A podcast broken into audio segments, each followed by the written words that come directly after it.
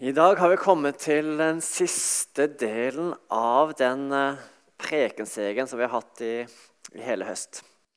Fra første og andre Tessalonikerbrev. Overskriften for serien har vært 'Verdig', og i dag så er temaet 'Bind oss i sammen'.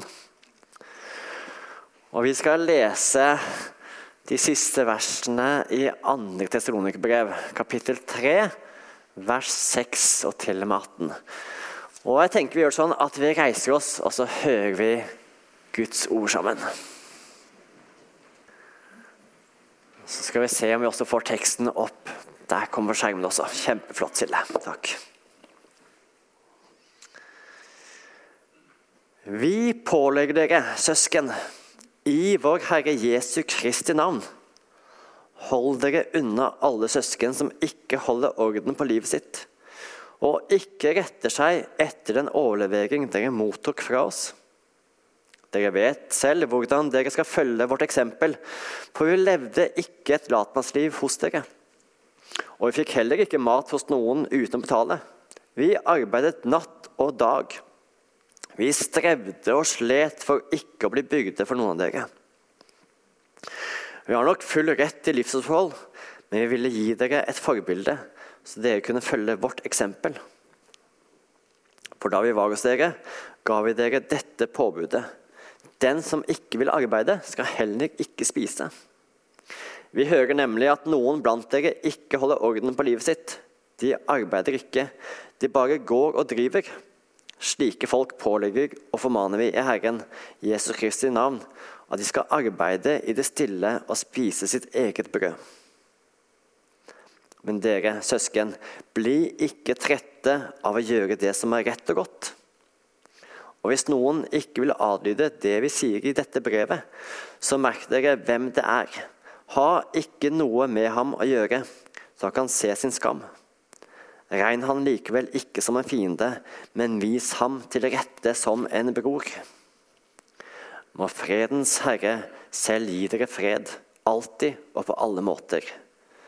Herren være med dere alle. Jeg, Paulus, skriver min hilsen med egen hånd. Dette er kjennetegnmerket i alle brev. Slik er min håndskrift. Og Herre Jesu Kristi nåde være med dere alle. Takk, Gud, for ditt ord til oss. Og må du hjelpe oss til å ha åpne ører og åpent hjerte og forstå hva du vil si til oss i dag. Amen. Og jeg tenkte, altså, Siste teksten i en lang prekenrekke, og så er den her. Hold dere unna alle søsken. tenkte jeg, Skal jeg virkelig preke over dette? Det er jo ikke, synes jeg var ikke det letteste inngangen. Men la oss se litt.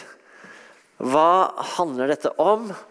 Og hvordan kan vi prøve å ta det til oss og se liksom, hva kan vi få ut av det i dag? Og jeg tenker Tessalonikerbrevene er jo hvordan skal man være som menighet? Hvordan skal man leve sammen? Hvordan skal man virke sammen? Og så prøver også Paulus, Timoteus og Silvanus å rette opp noen sånne feil lære eller tanker de har hatt, som måtte ha satt seg i menigheten. Men først og fremst så er jo brev fullt av oppmuntring og skryt og en sånn oppmuntring og formaning om å stå fast i troen. Sant? Og Så slutter Paulus allikevel med disse ordene her. Og Det er to hovedtanker. Hva handler dette om? Hva er det som ligger til grunn her? Og Den ene er at noen tenker at uh, dette handler om folk som venta på at Jesus skulle komme igjen. og tenkte at han kommer så snart igjen at det er ikke noe vits i arbeidet. Han er like om hjørnet. Kanskje kommer han i morgen eller om en uke. Her er det bare å sitte ned og vente. Det skjer snart. Så Det er den ene måte forståelsen eller tanken når folk leser teksten her. Den andre tanken Hva handler dette egentlig om? Det er jo rett og slett at det handler egentlig bare om folk som skaper litt uro og mistrivsel i menigheten og som rett og slett snylte litt på fellesskapet. Og jeg tenker Kanskje kan det være oss noen som har hatt en tjeneste i et sånt hedensk tempel. Og som har blitt kristne, og så kommer de til tro, og så er de i det kristne fellesskapet, og så tenker de på en måte at noe av det samme skal funke der. At, liksom, at de skal få for det de holder på med, på et vis. Selv om det kanskje ikke i dette tilfellet er så fornuftig. Og når jeg har lest kommentarer og lest rundt teksten, så tenker jeg jeg tror kanskje det handler om det siste. Ikke så mye om folk som satt og venta på at jeg skulle komme igjen. For det måtte jeg allerede behandla i brevet på andre vis. Jeg tror kanskje det handler rett og slett om folk som på ulike vis skaper uro og rot i menigheten. Rett og slett.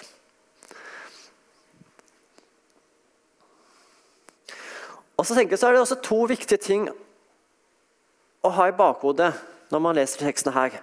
Hvordan var det egentlig i menigheten i Tessalonika? Og i de første kristne menighetene? Og Det ene er at det var en selvfølge at menighetsfellesskapet hjalp den som trengte det. Sant? Med økonomi og med mat. For Man kan jo kjenne litt på når man leser det her. sant? Altså må holde unna alle søsken som ikke holder orden på livet sitt. Sant? De som ikke arbeider, skal ikke ha mat. Så kan man tenke at Hvis man kanskje er i en situasjon som man ikke får arbeide, da, kan man kjenne litt på Oi, er dette om meg? Men det var jo ikke det. sant? For i menigheten her var det selvfølgelig at alle de som ikke klarte måte, å skaffe det de trengte, de skulle selvfølgelig få hjelp.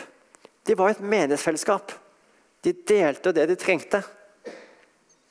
Så det var ikke sånn at de så ned på de som, som trengte mat, eller trengte økonomisk hjelp, eller trengte støtte i fellesskapet. Tvert om. Selvfølgelig skulle man hjelpe hverandre. Det lå til grunn. ikke sant? Og Det er derfor Paulus snakker om at de som ikke arbeider, skal ikke heller ete. Altså, de som snylter på fellesskapet, det må bli slutt på. For den kjærligheten de hadde til hverandre, og måtte det møte nøden til folk, det lå der som en sånn helt sånn selvfølge. Selvfølgelig gjør vi det. Og Det tenker jeg er viktig å ha med seg inn i teksten. Sant? At den derre søskenkjærligheten, som også blir nevnt i brevet Det at de delte, de hadde et fellesskap. De hjalp hverandre. Det ligger som en sånn refleks ikke sant? i menigheten. De så ikke ned på de som trengte hjelp, men de så på det som en plikt og tror jeg også som en ære og en kjærlighetsoppgave å hjelpe. Å støtte hverandre og være et fellesskap. Og så er det andre aspektet, som på et vis kan være litt sånn fremmed for oss også. Vi har jo sikkert hørt om ordet kirketukt eller kirkedisiplin. Sant? At man var i en stilling hvor man si, kunne utøve det. Og det var jo ikke sånn at Hvis man ble si, kasta ut av menigheten, så kunne vi ikke bare gå til kirka rett over gata. Sant? Det var en menighet i Tessalonika. Og så hadde man jo gjerne kanskje, når man ble kristen, kanskje forlatt på et vis det storsamfunnet. ikke sant? Og nå var det dette fellesskapet som bar dem. Det var menighetsfellesskapet. Og det å bli støtt ut av meningsfellesskapet, det var ikke en god ting. Da var man på utsida av både det ene og det andre. Så de hadde en sånn mulighet til å gjøre det, men de gjorde det med tanke på å hjelpe. Ikke for å straffe, men for å hjelpe hverandre. Og Det tror jeg også er en veldig viktig tanke å ha med. Og Dette handler ikke om straff, sant? men en mulighet til å hjelpe folk til å leve med Gud. Og Vi har noen bibelvers tenker jeg, som kan minne oss litt på det. Vi har i 2. Tessalonikerbrev 3.15, som vi også leste nå i stad. Så det regn han likevel ikke som en fiende, men vis ham til rette som en bror. De fikk ikke en måte ta del i menighetsfellesskapet som på vanlig vis. Men det var ikke sånn at man kutta alle bånd. Sant? Vis han til rette som en bror. Håpet og ønsket var jo at folk som ikke levde i tråd med læren, eller som skapte uro i menighetsfellesskapet, eller som måtte snylta på ressursene At de ikke skulle måtte bli forvist og være borte for all evighet, men at det skulle tas noen grep slik at de kunne omvende seg og komme inn igjen. Vis det rette som en bror. Og I Galaterne 6,1 så står det også Mine søsken, hvis en dere blir grepet i et feiltrinn, må dere som har ånden, hjelpe han til rette. Og Paulus og Timoteus og Silvanus snakker også om søskenkjærligheten de har til hverandre. Dette også ligger til bunn sant, i menigheten. At man har en kjærlighet til hverandre. Man ønsker det beste for hverandre. Man ønsker det beste for menighetsfellesskapet og for det enkelte. Og jeg tenker Hvis man har dette i bakhodet, så blir måte, teksten litt, si, litt mildere.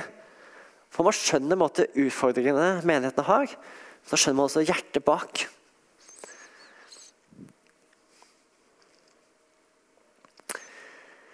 Bli ikke trette av å gjøre det som er godt.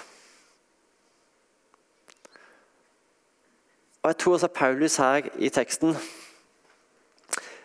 peker på folk som på et vis har et sånt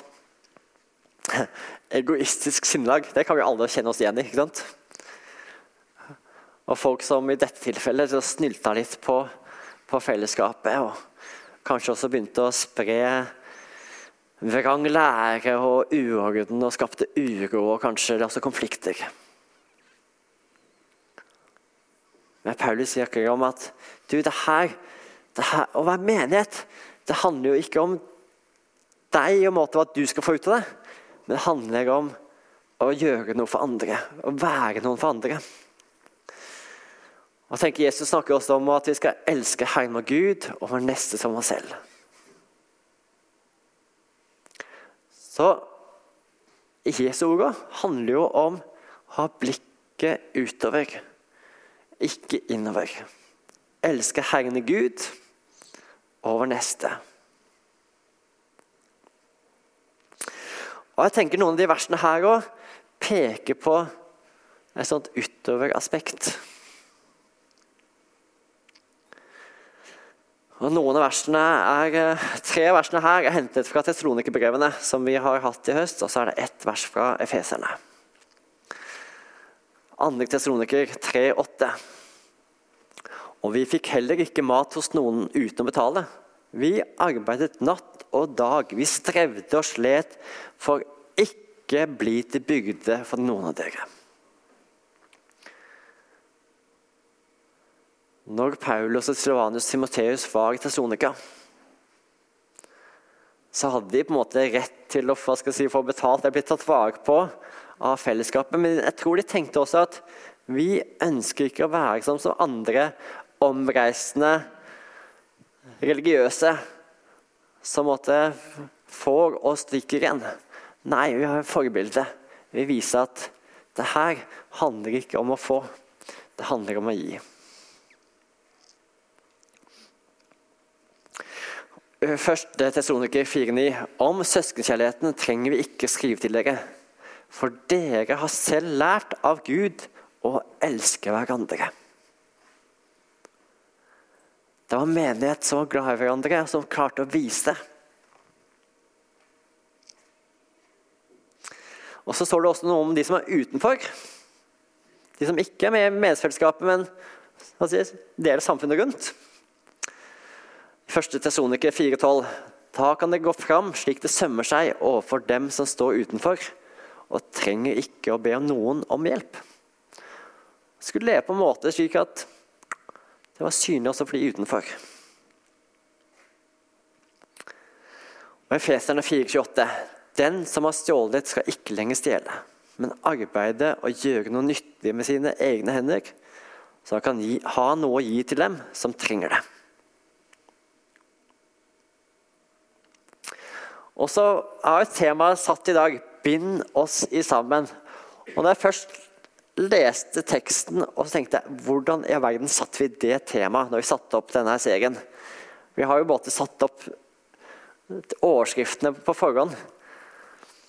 Men etter hvert tenkte jeg ja, det var kanskje ikke så dumt allikevel. Noen har sikkert tenkt noe lurt. Bind oss i sammen. Og så tenkte jeg på det å ha fokus på andre og på hverandre og på søskenkjærligheten i menigheten. Og så tenkte jeg på medlemsløftene som man gir i menighetene her som et bekjennende medlem.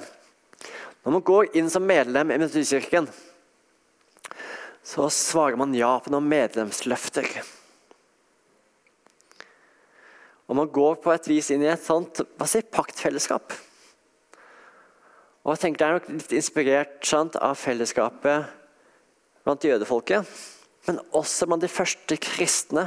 Sant? Man går inn i et fellesskap hvor man virkelig ønsker å være noe for hverandre. Man er ikke bare noen kristne som ser hverandre en gang iblant.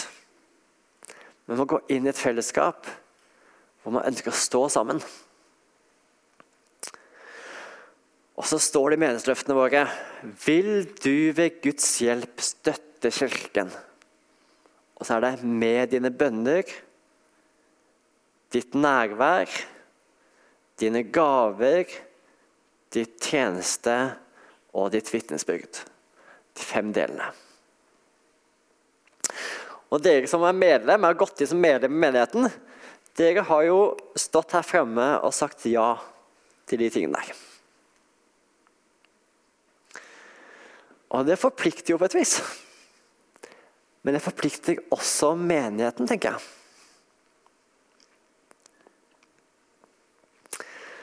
Hva vil det si for oss som menighet når noen går inn som medlem i vår menighet? For jeg tenker, Hvis de som nye medlemmer sier at de vil være med og støtte Kirken med sine bønner, da må det også bety at vi som menighetsfellesskap at vi ber for hverandre. At vi støtter hverandre i bønn. Det kan ikke bare gå én vei. ikke sant? tenker Det må gå begge veier. At vi er en menighet som ber for hverandre. Og Hvis jeg skal ransake meg sjøl, tenker jeg at ja, det burde jeg absolutt bli flinkere til. Det kan hende noen av dere andre kjenner på det samme. Eller kanskje bare meg. Eh, ditt nærvær.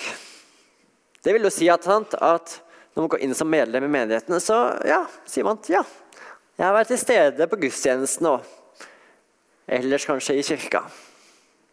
Jeg vil i en måte være en aktiv del av fellesskapet. Men det betyr vel også at vi som fellesskap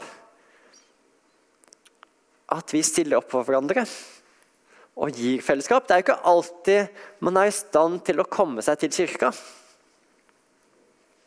Det kan være mange grunner til det. Altså, noen grunner er sånn ganske åpenbare sant? når folk blir eldre og syke. Det kan være andre ting òg som gjør at en ikke er til stede. Det kan jo til og med hende at man kanskje at det har skjedd noe, eller man kanskje ikke føler seg god nok, eller at man bare sånn sklir ut av fellesskapet og forsvinner fra. Men da skal vel vi som menighet også stille opp og gi fellesskap.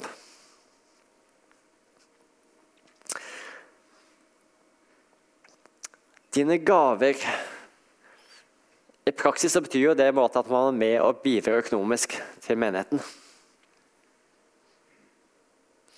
Men kan det hende at det uh, av og til har vært fint å gi til hverandre også?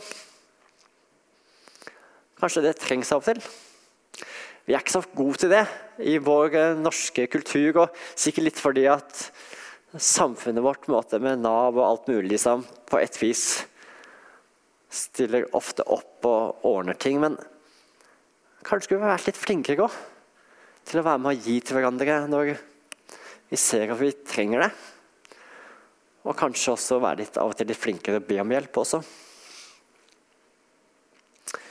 Din tjeneste. Som en bekjennende medlem i kirka her, så ønsker man å også ha en tjeneste og være med å tjene i menigheten. Men det betyr også at vi som fellesskap er med å tjene hverandre på ulike vis. Og til slutt ditt vitnesbyrd.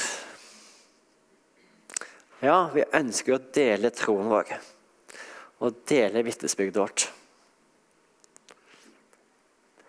Men det betyr også at vi som menighetsfellesskap oppmuntrer og styrker hverandre i troen. Og det kan gjøres på mange vis. Sant? Men vi har et ansvar overfor hverandre og hjelpe hverandre til å løfte hverandre opp. Og da tenker jeg, da kommer jo de ordene fra andre Slonikerbrev her om å vise hverandre til rette. Hjelpe hverandre til å leve i fellesskap. Og Da blir det kanskje ikke så hardt lenger heller. At man kan se at ja, men intensjonen, altså hjertet bak, er jo å støtte hverandre og hjelpe hverandre. Vi ønsker å være i fellesskap slik som menighet Tessalonika ønsker å være i fellesskap.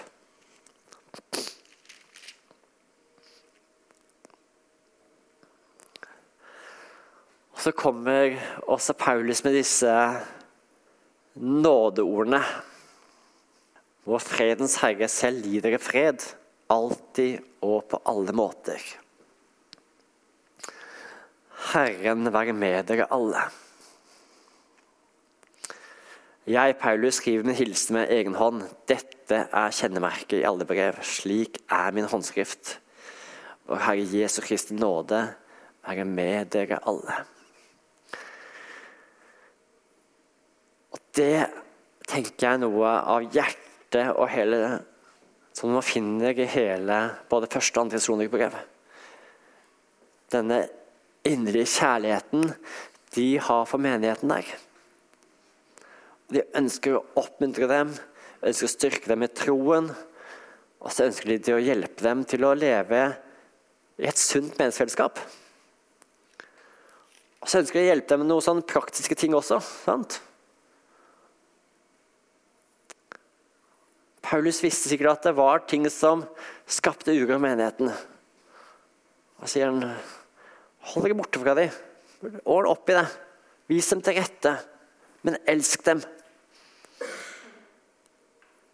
Vær et fellesskap som tjener hverandre.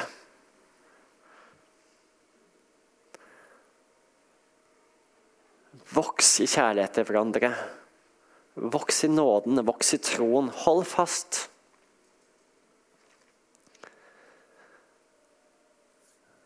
Lev et verdig liv. Jeg tenker dette også kan være en sånn grei avslutning på prekenserien om testronikerbrevene. Bind oss i sammen. La oss stå fast sammen. Hold fast. La oss prøve å leve sunt sammen som menighet og leve godt sammen. La oss ta tak der liksom, i de konflikter og uro hvor det trengs.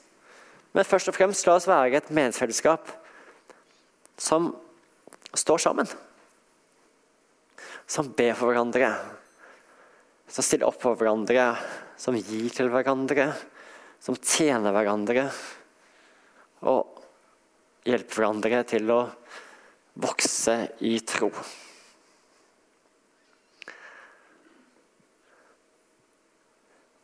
En annen ting som skjer i menigheten vår når vi, for vi døper et barn, er jo at hele menigheten er fadder.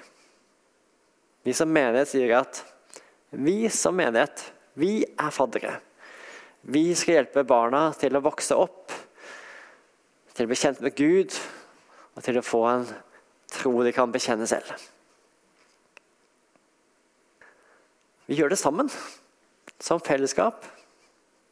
Akkurat nå er barna nede, vi er oppe. Men vi som fellesskap har et ansvar og en oppgave.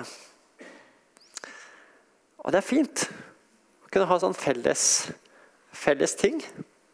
Å stå sammen og tjene hverandre i kjærlighet.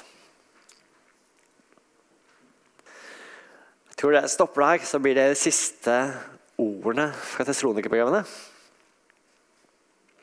Og så håper jeg gjerne at hvis du ikke har gjort det ennå, så ta gjerne en liten stund og så les gjennom sjøl. To korte brev. Så får du en liten sånn uh, fin oppsummering og fin repetisjon av første og andre Tessalonikerbrev. Bind oss i sammen. La oss be. Himmelske Gud,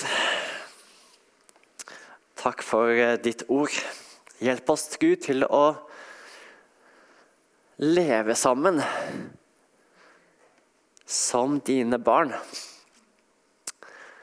Takk, Gud, for meningsfellesskapet. Må du styrke det, Gud. Må du hjelpe oss til å leve i et ekte og ordentlig fellesskap. At vi ikke bare ser hverandre på søndagene, Gud, men at vi har hverandre hjertet gjennom uka. Hjelp oss å huske på hverandre i bønn, Gud. Og til å støtte hverandre når det trengs. Hjelp oss å se hverandre. Til å bli kjent med hverandre. Og til å ja, tjene deg sammen, Gud. Takk, Gud, for vi får lov til å være din kirke. Og del av ditt folk.